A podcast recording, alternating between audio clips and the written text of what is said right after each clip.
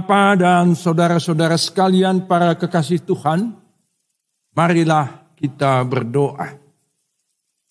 Ya Allah Bapa kami, pencipta langit dan bumi dan yang menguasai seluruh ciptaanmu, serta yang mengasihi kami di dalam Tuhan Yesus Kristus. Di dalam rasa syukur kami atas semua yang dahsyat yang Tuhan telah kerjakan bagi seluruh ciptaanmu termasuk bagi kami. Juga dalam kesempatan beribadah pada hari yang Tuhan kuduskan ini. Baik kami yang sangat terbatas yang ada di rumahmu ini. Di gedung gereja GKP Menteng ini maupun yang ada di rumah masing-masing. Bahkan di mana pun kami berada. Di dalam rasa syukur kami juga untuk kehidupan yang masih Tuhan karuniakan dan percayakan kepada kami. Kami mohon dan kami rindu disapa dan dikuatkan oleh firman Tuhan. Damai sejahtera Allah yang melampaui segala akal dan pikiran kami. Kiranya mengawali hati dan pikiran kami semua di dalam Yesus Kristus Sang Firman hidup. Amin. Ibu Bapa dan saudara-saudara sekalian di mana pun Anda berada, Shalom Aleichem. Salam sejahtera bagi saudara, bagi kita semua. Senang bisa bertemu kembali walaupun melalui sarana virtual ini. Kita toh diizinkan Tuhan untuk saling bertegur sapa. Pembacaan Alkitab sebagai dasar pemberitaan firman Tuhan bagi kita pada hari Minggu 7 Februari 2021 ini tertulis dalam kitab Yesaya pasal 40 ayat 27 hingga 31 saya akan membacakannya bagi kita sekalian. Mengapakah engkau berkata demikian, hai Yakub? Dan berkata begini, hai Israel, hidupku tersembunyi dari Tuhan dan hakku tidak diperhatikan Allahku. Tidakkah kau tahu dan tidakkah kau dengar? Tuhan ialah Allah kekal yang menciptakan bumi dari ujung ke ujung. Ia tidak menjadi lelah dan tidak menjadi lesu. Tidak terduga pengertiannya. Dia memberi kekuatan kepada yang lelah dan menambah semangat kepada yang tiada berdaya.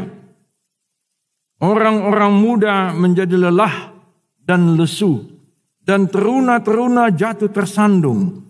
Tetapi orang-orang yang menanti-nantikan Tuhan mendapat kekuatan baru.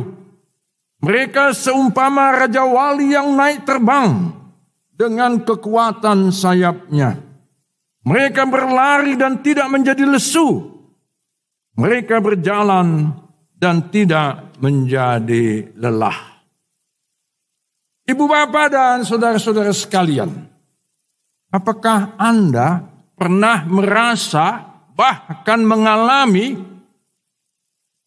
hidupku tersembunyi dari Tuhan.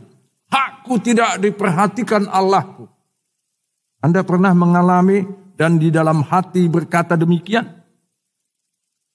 Ketika kita sebagai pribadi ataupun sebagai keluarga, sebagai gereja, sebagai bangsa, bahkan sebagai umat manusia berada dalam keadaan sulit dan berat, penuh duka, sama seperti yang kita alami sekarang atau dalam satu tahun terakhir ini, dan semua juga demikian.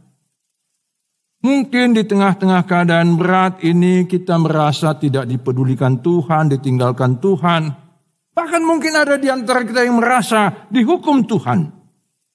Situasi dan perasaan seperti itu bisa membuat kita lelah, lesu, lemah, kehilangan semangat, kehilangan gairah. Tetapi seandainya kepada kita juga ditanyakan, apakah hidupmu ini hanya ditandai oleh kelelahan? Bahkan juga kejengkelan. Atau di tengah-tengah situasi sulit ini pun ada hal-hal yang menyenangkan. Apa jawab kita atas pertanyaan ini? Seandainya kita banyak mengeluh, banyak merasa sulit, merasa berat, lalu kepada kita ditanyakan kalau begitu sekaranglah hidupmu berakhir ya. Kalau kita mau jujur, kedua situasi itu tadi berat, lelah, menjengkelkan, tapi juga menyenangkan sering kali kita alami secara berbarengan. Melelahkan tapi juga menyenangkan. Di satu sisi hidup ini sulit, berat, melelahkan, menjengkelkan. Tetapi di sisi lain, toh masih banyak yang menyenangkan. Walaupun gerak dan kebebasan kita serasa dikekang oleh macam-macam aturan, entah itu PSBB, PSKM, apalagi, toh kita masih bisa melakukan berbagai aktivitas. Sebagian dari kita paling tidak masih bisa mencari rejeki, bisa nonton macam-macam film dan pertunjukan, apakah itu di televisi, di Netflix, dan macam-macam lagi sarana hiburan lainnya yang masih bisa kita nikmati. Kita juga masih bisa bercanda dan berkontak dengan teman-teman dan sanak keluarga kita Entah itu melalui WhatsApp, Facebook, Instagram, Twitter, YouTube, apa lagi. Termasuk live streaming seperti ini. Bahkan sangat mengesankan, banyak di antara kita yang juga mulai mengisi kehidupan ini secara kreatif. Dan menghasilkan banyak hal yang tidak hanya menyenangkan, tapi juga mencengangkan. Saya masih ingat macam-macam informasi bahkan juga tawaran dari anggota jemaat kita ini yang enak-enak. Berapa banyak ahli masak sekarang di jemaat kita ini Pak Siboya? Banyak ya. Minggu lalu saya dihubungi anggota jemaat kita. Mau pesan durian, tarutung. Sekolah di tarutung, aduk tarutung ate. Sekian sekilo, kalau mau tiga setengah kilo lima ratus ribu. Tambah lagi serikaya sedap dari Siantar. Eh, banyak yang memesan. Jadi memang hidup ini harus diisi dengan kreativitas. Nah, nas yang kita baca dan baru dengar hari ini merupakan bagian dari nas yang lebih panjang atau lebih lengkap yang diberi judul Berita Kelepasan dan disambung dengan Allah di atas semua Allah. Dan ini adalah bagian dari yang lebih besar lagi yang bisa kita baca di bawah judul pasal 40 sampai 66. Pasal 40 sampai 48 diberi judul keselamatan untuk bangsa yang di dalam pembuangan. Memang Nas ini pertama-tama disampaikan Tuhan melalui Nabi Yesaya kepada bangsa atau umat Israel sekitar 2500 tahun yang lalu yang sedang terbuang ke Babel atau ke Babilonia. Sekarang itu terletak di negara Irak. Di tengah keadaan terbuang ke negeri asing yang jauh dari Bonapasogit atau tanah air itu, mereka sering merasa lelah, putus asa, merasa ditinggalkan Tuhan, merasa hak-hak mereka tidak diperhatikan Tuhan. Tuhan tidak mempersalahkan mereka kalau punya perasaan demikian. Tuhan tidak mengatakan bahwa itu tidak benar. Oke, silakan lelah, silakan putus asa, dan seterusnya kalau kalian merasa itu bisa menyelesaikan masalahmu. Tapi ketahuilah, demikian Tuhan mengatakan lewat Nabi Yesaya. Kalau kalian sekarang terbuang, sakit, lelah, merasa begini begitu, itu kan karena kesalahan kalian sendiri. Kalian meninggalkan aku Tuhanmu. Kalian tidak mengakui kemahakuasaanku, mencari dan mengandalkan pertolongan kepada kuasa lain. Dan hanya sibuk memikirkan serta meratapi dirimu sendiri. Tauton. Kira-kira begitu Tuhan katakan kepada bangsa pilihannya itu. Tetapi Tuhan tidak hanya mengatakan begitu. seraya mendamprat dan menegur bangsa pilihannya yang tegar tengkuk, si jogal rukung itu, yang sering suka menuntut dan membenarkan diri sendiri itu, Tuhan tidak lupa juga menghibur dan menguatkan mereka. Pertama-tama Tuhan mengingatkan mereka tentang kebesaran, kekekalan, dan kemahakuasaannya. Tadi kita baca itu di ayat 28. Berbarengan dengan itu Tuhan juga menyatakan kemurahannya ia memberi kekuatan kepada yang lelah, menambah semangat kepada yang tak berdaya, dan seterusnya. Karena itu Tuhan mengingatkan, orang-orang yang menanti-nantikan Tuhan mendapat kekuatan baru. Mereka seumpama Raja Wali yang naik terbang dan seterusnya. Bapak Ibu pernah melihat burung Raja Wali? Ini bagian atau sejenis burung elang. Rumpun elang itu ada macam-macam jenisnya. Dan itu serumpun juga dengan burung Garuda. Yang ada di negara kita bahkan menjadi lambang negara kita. Burung Raja Wali itu perkasa. Kuat. Tetapi ada juga sisi negatif burung Raja Wali dia adalah salah satu jenis hewan atau binatang buas. Suka makan macam-macam. Ayam, entok, dan sebagainya yang ada di darat yang dia sambar. Tanggal 23 Januari yang lalu kami mengikuti penyegaran para tenaga pengajar di sekolah tempat saya sampai sekarang masih mengajar. Sekolah tinggi filsafat teologi. Lalu trainer atau instruktur kami itu mengatakan ada empat tipe pekerja.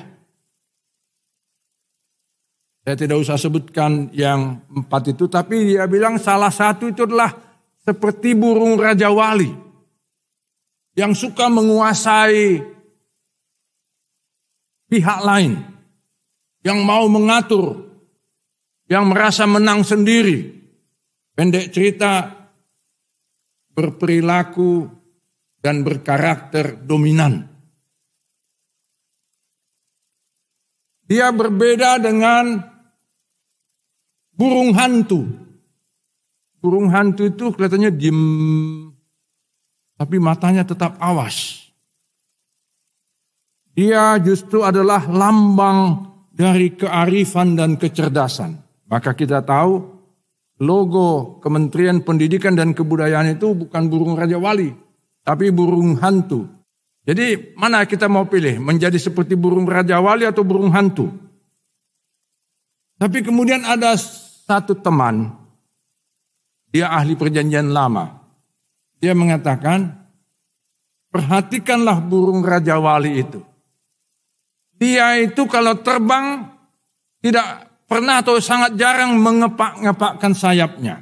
Justru sayapnya terbentang, tapi dia bisa meluncur dengan kencang. Kenapa? Karena dia mengandalkan angin yang mendorongnya. Angin itu dari mana? Dari dalam dirinya? Angin yang bertiup di angkasa dan itu dari mana? Dari Tuhan. Dengan kata lain, Kekuatan burung Raja Wali itu terbang justru karena Tuhan yang memberi kekuatan kepada dia. Bukan dari dalam dirinya sendiri. Nah ini menjadi pelajaran bagi kita. Walaupun di tengah berbagai bencana dan kesukaran, kita bisa tetap tegar, berdiri kokoh, dan ibarat burung Raja Wali, kita boleh bersayap kuat.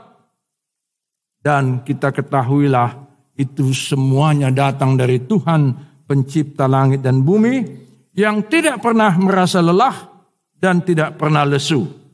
Bahkan dalam Mazmur 121 dikatakan Tuhan penjaga Israel.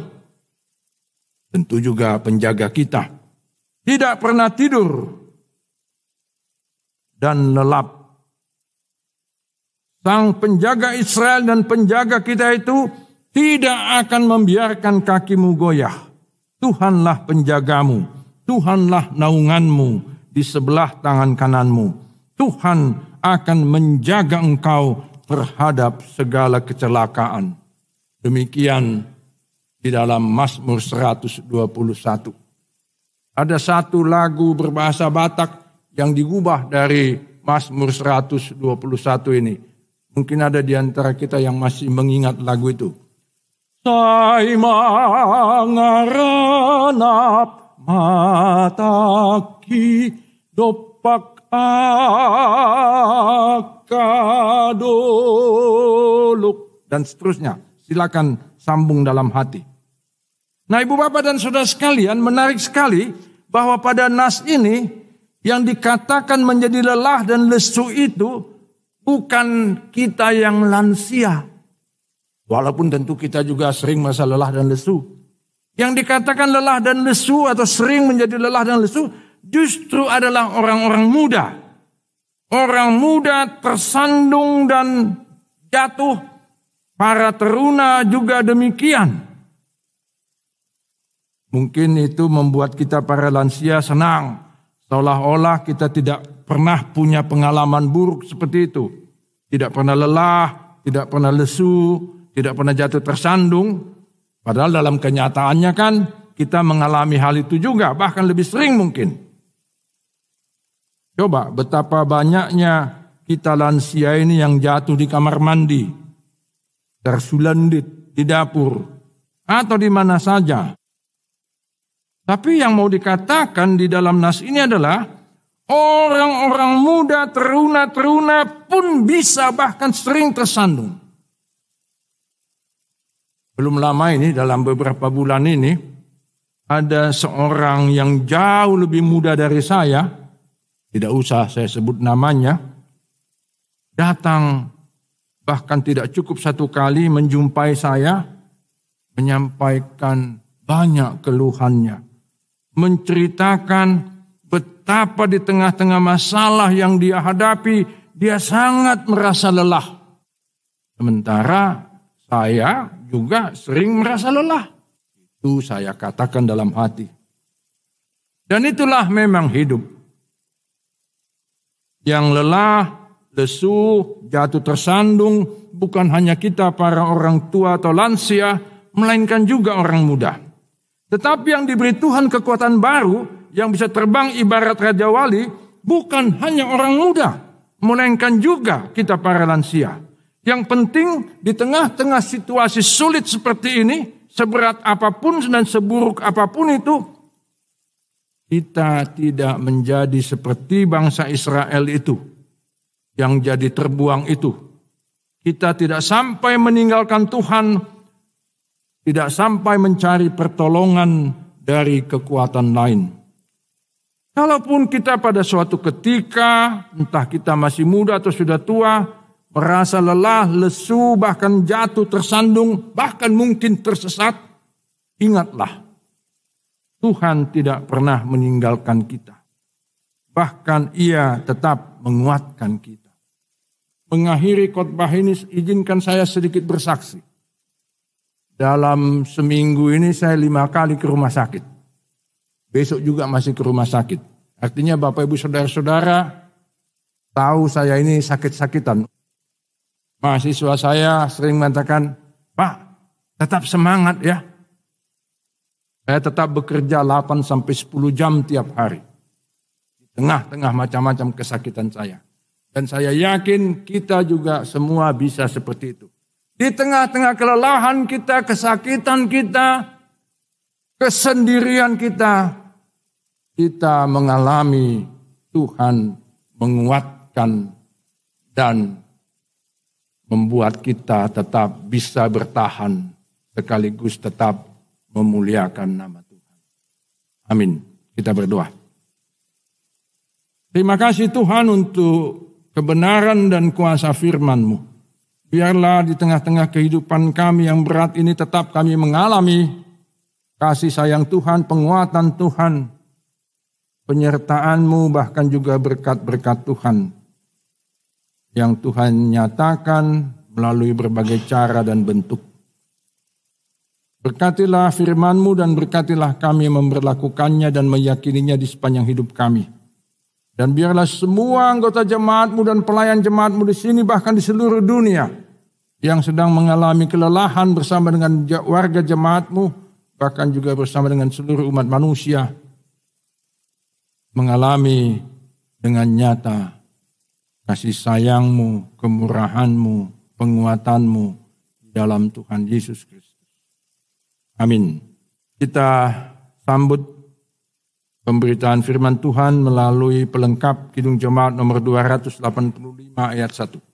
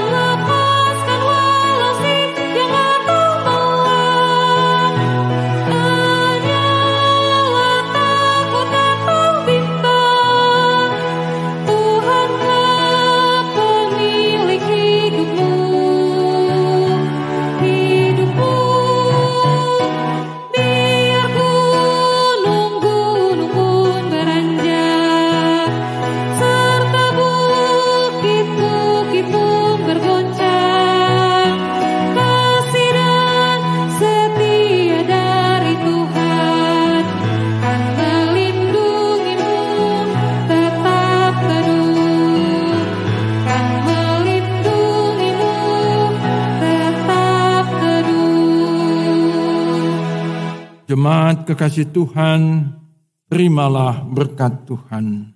Tuhan memberkati engkau dan melindungi engkau. Tuhan menyinari engkau dengan wajahnya dan memberi engkau kasih karunia. Tuhan menghadapkan wajahnya kepadamu dan menganugerahi engkau damai sejahtera.